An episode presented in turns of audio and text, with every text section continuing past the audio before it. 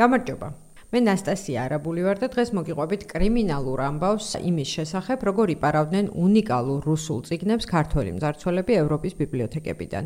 ეს არის წიგნების ყველაზე დიდი ძარცვა ევროპაში მეორე მსოფლიო ომის შემდეგ. ამ დრომდე დათვლილი ზიანი 2 მილიონ ევროს აჭარბებს.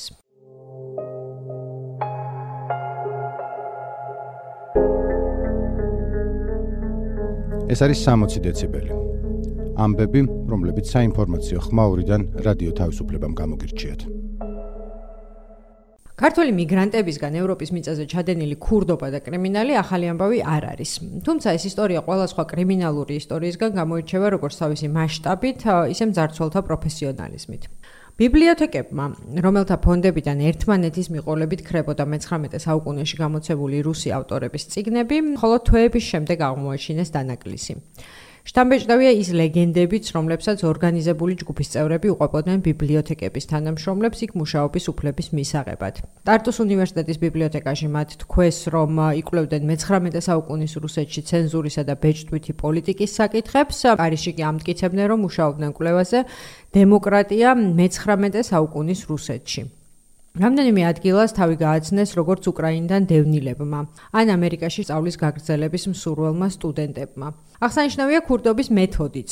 ორგანიზებული ჯგუფი რარიტეტული გამოცემების ისეთ ასლებს ამზადებდა, რომლებიც თითქმის არ განსხვავდებოდა ორიგინალისგან. და ამ ასლებით ანაცვლებდნენ იმ წიგნებს, რომლებსაც სამკითხველო დარბაზებში წასაკითხად ითხოვდნენ საცავებიდან. ქართველი ციგნის ქურდების ამბავი 2 წლის წინ დაიწყო და გამოძიება ამ დრომდე გრძელდება ევროპის რამდენიმე ქვეყანაში. საერთაშორისო გამოძიებაში ჩართულია ქართული მხარეც. არც საქართველოს პროკურატურა და არც სხვა ქვეყნების საგამოძიებო უწყებები გამოძიების დასრულებამდე ოფიციალურ განცხადებას არ აკეთებენ. გაუთქმელობის პირობა აქვს დადებული დაკავებულების ადვოკატებსაც. ბიბლიოთეკები კი საიდანაც ციგნები მოიპარეს ჟურნალისტებთან ურთიერთობისას ჯერ კიდევ ფრთხილობენ. შესაბამისად ამ ისტორიას ციგნების მასობრივი ქურდობის ისტორიას საერთაშორისო მედიაში გამოქვეყნებული ცნობების მიხედვით აღვადგენთ. ევროპული ბიბლიოთეკის ფონდებიდან ათობით ციგნის მოპარვას უკვე შეარქვეს ოპერაცია პუშკინი. იმის მიუხედავად, რომ ძარცველებმა პუშკინის ადრეული გამოცემების გარდა მოიპარეს სხვა რუსი ავტორების, ლერმონტოვის, გოგოლისა და დოსტოევსკის ციგნებიც. მოპარულია უკრაინელი პოეტის, ტარას შევჩენკოს ლექსების 1840 წლის გამოცემაც. ეს ქურდობა შეადარეს გვირგვინიდან ძვირფასი თულების ამოცლასაც. ბიბლიოთეკები, რომლებმაც იშვიათი გამოცემები დაკარგეს, ამ ციგნებს განადგურებისგან წლეულების განმავლობაში იცავდნენ. სოფლიო ომებისა და პოლიტიკური კატაკლიზმების პარალელურად.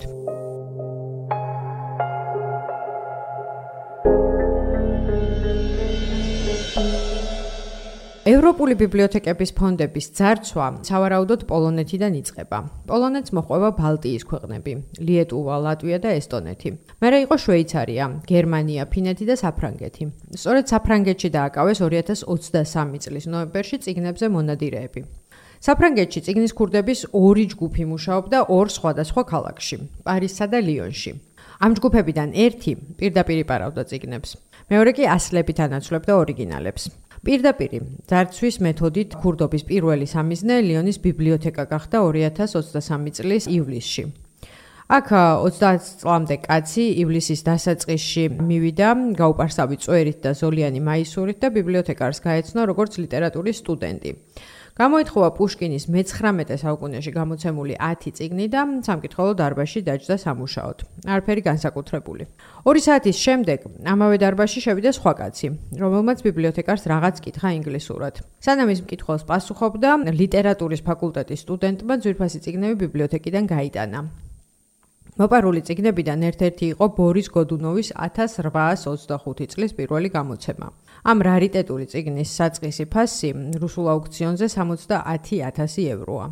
ლიონის შემთხვევას მოყვა ქურდობა პარიზში, მე-13 ოლქში, აღმოსავლური ენებისა და ცივილიზაციის ეროვნულ ინსტიტუტში. საიდანაც ორმა მძარცველმა ღამით რამდენიმე ათეული ხელნაწერი გაიტაცა და ავტომობილით მოახერხა გაქცევა.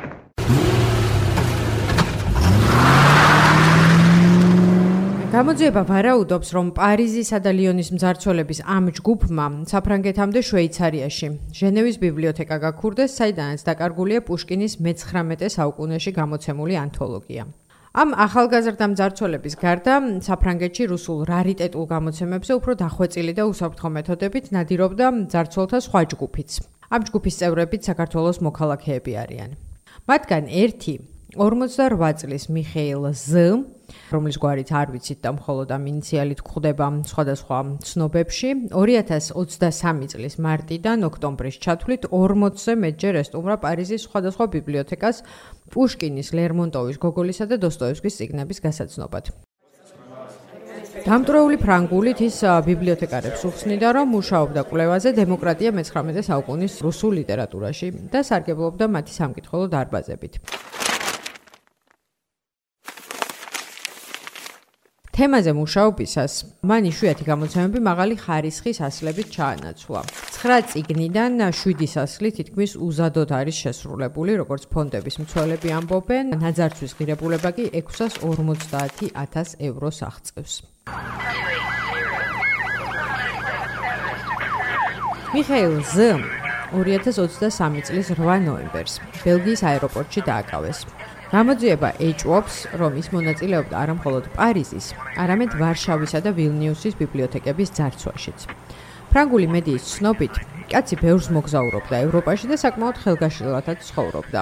რჩებოდა სასტუმროებში, სატილობდა რესტორნებში, მგზავრობდა ტაქსით. საფრანგეთის პოლიცია თვლის, რომ მიხეილ ზს ჰყავდა თანამზრახველიც, ვინმე ვალერიან რ. გვარი არც ამ შემთხვევაში არ ვიცით. ვალერიან რეს ვიზიტები საფრანგეთის ბიბლიოთეკებში ემთხოვდა მიხეილ ზს ვიზიტებს სამკითხველო დარბაზებში. ისიც რუსული წიგნებით იყო დაინტერესებული და გარდა იმისა, რომ მის ტელეფონში პოლიციამ ამ წიგნებისთვის გადაღებული ფოტოები და სხვა სხვა გამოცემების დეტალური აღწერები იპოვა, კამერების ჩანაწერებში ჩანს, როგორ ზომავს ის სახელწავით რარიტეტულ გამოცემებს. პოლიცია ვარაუდობს, რომ სწორედ ამ ჩანაწერების, ნახაზებისა და ფოტოების დახმარებით დამზადდა ციგნების ზუსტი ასლები, რომლითაც ორიგინალები ჩაანაცვლეს. ტელეფონში აღმოჩენილ საუბრის ჩანაწერებში ვალერიან რ ამბობს, რომ ასლების დამზადებას 2-3 კვირა სჭირდება. ის ციგნები კი, რაც მან ლიონში ნახა, 20000 ევრომდე მოგებას მოუტანს. რაც შეეხება თავად ვალერიან რს 58 წლის საქართველოს მოქალაქეს ის საფრანგეთში ტურისტის სტატუსით ჩავიდა როგორც ძველი ციგნების გამყიდველი და ანტიკვარიატით მოვაჭრე ეს ადამიანი საქართველოში მძღოლად მუშაობდა. საფრანგეთის პოლიციისთვის მიცემული ჩვენება მან რამდენჯერმე შეცვალა. ერთ-ერთ ვერსიაში ისყვება, რომ ამოძრავებდა ცნობის მოყარეობა, ვინაიდან რუსული ციგნების ასეთი გამოცემები საქართველოში იშვიათობაა. სხვა ჩვენებაში ის ამბობს, რომ რარიტეტული გამოცემების ასლებს საქართველოში გასაყიდად ამზადებდა. გამოძიების ვერსიით მძარცველს ბიბლიოთეკებიდან ციგნები გამოჰქონდა და ასლები შექონდა ხელის სახვევით. რომელიც ისე ჰქონდა აკრული, რომ თაბაშირში ჩასმული შტაბეჭდილება სტოვებდა.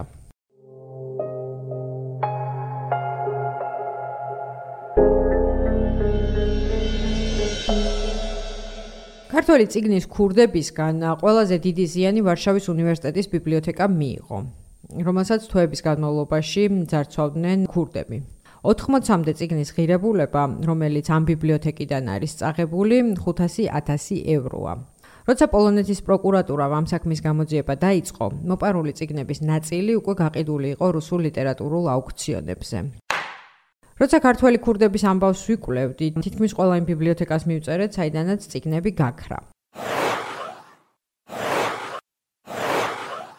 ყველაზე საინტერესო ვარშავიდან მიღებული პასუხი იყო. ამ წერილში გვწერდნენ, რომ სანამ გაგცემდნენ პასუხს იმაზე, გააკეთებდნენ თუ არა კომენტარს დანაკარგზე, უნდა გადაემოწმებინათ რადიო თავისუფლების სათავო ოფისში, ნამდვილად რადიო თავისუფლების ჟურნალისტი იყო თუ არა ის ადამიანი, ანუ მე, ვისგანაც წერილი მიიღეს. ასეთი პასუხი არასოდეს მიმიღია სამსახურებრივი მეილით გაგზავნილ წერილზე და მივხვდი რომ საქართველოს მოქალაქეების მხრიდან თაღლითობის მწარე გამოცდილებას უსაფრთხოების ზომებზე მნიშვნელოვანი გავლენა მოუხდენია. სხვადასხვა ეს დისკუსია როგორ გახდეს ევროპის ბიბლიოთეკების და მუზეუმების ფონდები უფრო დაცული ამ შემთხვევის შემდეგ არაერთ დასავლური მედიის მსჯელობის საგნად იქცა. პოლონეთის შემთხვევაში საინტერესოა ისიც, რომ აქ გამოძიება დაიწყო ვარშავის უნივერსიტეტის ბიბლიოთეკის დირექტორის განცხადების საფუძველზე. ქალი, რომელიც მაშინ მართავდა ამ ბიბლიოთეკას საგამოძიებო სტრუქტურებს, ამცნობდა, რომ მისი საცავიდან, მისი ერთ-ერთი საცავიდან, მე-19 საუკუნის ლიტერატურის ფონდიდან დაკარგულია 8 წიგნი. და სხოვდა დახმარებას ამ ციგნების პოვნაში. შემდეგ უკვე როცა გამოძიება დაიწყო და სრულად გადაამოწმეს ეს ფონდი, აღმოჩნდა რომ არა 8, არამედ 78 ციგნი იყო გამქრალი და ეს ადამიანი, რომლის განცხადების საფუძველზეც დაიწყო გამოძიება, სამსახურებრივი გულგრილობის ბრალდებით გაათავისუფლეს ბიბლიოთეკის დირექტორის პოსტის თანამდებობიდან.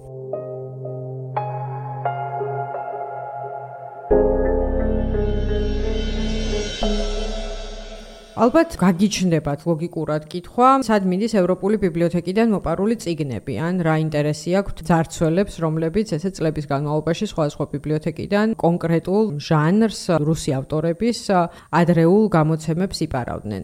საქმე იმაშია, რომ ეს წიგნები ათასობით ევროთ იყიდება რუსულ ლიტერატურულ აუქციონებზე და სავარაუდოდ სწორედ რუსი კოლექციონერების ფონდებია ამ წიგნების საბოლოო დანიშნულება. იმ დროს, როცა მოპარული ციგნები ჯერ კიდევ ევროპული ბიბლიოთეკების საცავებში ირიცხებოდა, ძარცველება მოახერხეს უსაფრთხო ადგილას გაეტანათ ეს მოპარული ციგნები და მაგალითად ერთ-ერთი რარიტეტული გამოცემა 2022 წლის დეკემბერში ლიტფონდის გამართულ აუქციონზე 30500 ევროთ იყო გატანილი. ვარშავის ბიბლიოთეკის თანამშრომლებმა ეს ციგნი ამოიცნეს ვარშავის უნივერსიტეტის ბეჭდებით და კატალოგის ნომრებით. 2023 წლის ნოემბერში ლიტფონდმა აუქციონზე გამოიტანა კიდევ ერთი გამოცემა პუშკინის 10 ტომეული, რომელთა საერთო ღირებულება 10 მილიონი რუსული რუბლი იყო. ეს იყო იშვიათი შემთხვევა, როცა პუშკინის სიცოცხლეშივე გამოცემული ყველა წიგნი ერთ აუქციონზე იქნა გატანილი. ამ ციგნებიდან განსაკუთრებით მაღალი ფასი ჰქონდა პუშკინის 1826 წელს გამოცემულ ლექსების კრებულს. ეს სწორედ ის ციგნია, რომელზეც ევროპაში ციგნის ქურდები გამალებით ნადირობდნენ. ამავე აუქციონზე 6 მილიონ რუბლად გაიყიდა, რაც დაახლოებით 67000 დოლარია, ლერმონტოვის ჩვენი დროის გმირი.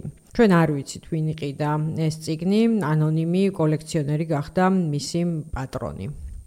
გამოითქვა ვარაუდი იმასთან დაკავშირებით, რომ ეს ციგნები, რომლებსაც ქართველი მძარცველები ევროპის ბიბლიოთეკების ფონდებიდან იპარავდნენ, არის არა რიგითი კოლექციონერების ფონდებში მოსახვედრად განკუთვნილი, არამედ რუსეთის პრეზიდენტის ინტერესებია აქ.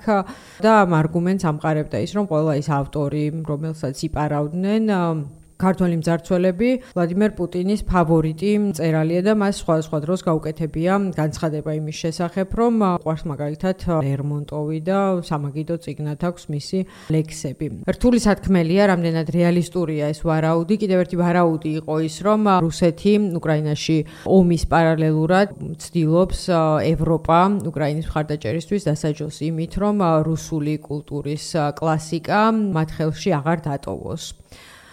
რაც ნამდვილად ვიცით არის ის, რომ ვლადიმირ პუტინმა 2016 წელს მასწავლებლის ჯილდოს ლაურეატებთან შეხვედრისას ნამდვილად თქვა, რომ ლერმონტოვის ლექსები არის მისი სამაგიდო წიგნი. ამ წიგნს ხშირად კითხულობს იმისათვის, რომ გაინიავოს ტვინი და გადაინაცვლოს ლამაზ, საინტერესო სამყაროში. ლერმონტოვი მას იზიდავს არა მხოლოდ როგორც პოეტი, არამედ როგორც სამხედროც, რომელიც მისი თქმით ყოველთვის მზად იყო სამშობლოსთვის თავი გაეწირა. რაც შეეხება პუშკინს, მას პუტინი ეროვნულ გმირად მიიჩნევს. სწორედ პუტინის ბრძანებით არის დაწესებული პუშკინის დღე, რომელიც 1997 წლიდან სახელმწიფო დღესასწაულის სტატუსს ატარებს. დაზუსტებით იმის თქმა, რამდენი ადამიანია დაკავებული ევროპაში მასშტაბური ციგნების ქურდობისთვის რთული სათქმელია. ჩვენ რაც დავითვალეთ, საუბარია 5 ადამიანზე, მათგან 2 ქალია და 2 ერთი ოჯახის წევრები არიან. გამოძიება კვლავ გრძელდება იმ დროს, როცა ჩვენ ამ მასალაზე მუშაობდით და ვიკვლევდით ევროპაში ციგნების ქურდების ამბავს უკვე 2024 წლის დასაწყისში. ცნობილი გახდა, რომ გაძარცული იყო ბერლინის ერთ-ერთი ბიბლიოთეკაც, შესაძლოა რიცხვი იმ ბიბლიოთეკების, საიდანაც დაიკარგა რუსული რარიტეტული გამოცემები, გზადაგზა კიდევ უფრო გაფართოვდეს. ბოლოს კი გეტყვით იმას, რომ ჩვენ რადიო თავისუფლება მუშაობ ევროპაში ქართული კრიმინალის რუკაზე, ვინაიდან ციგნების ქურდები არ არიან ერთადერთი ქურდები, რომლებიც ევროპის სხვადასხვა ქვეყანაში გარკვეულ დანაშაულებს ჩადიან. ამ რუკის ნაწილი სავარაუდოდ იქნება ოპერაცია პუშკინიც და ვფიქრობ, რომ მომდევნო პოდკასტებში შეიძლება სხვა საინტერესო კრიმინალური ისტორიებიც კი მოგიყვეთ.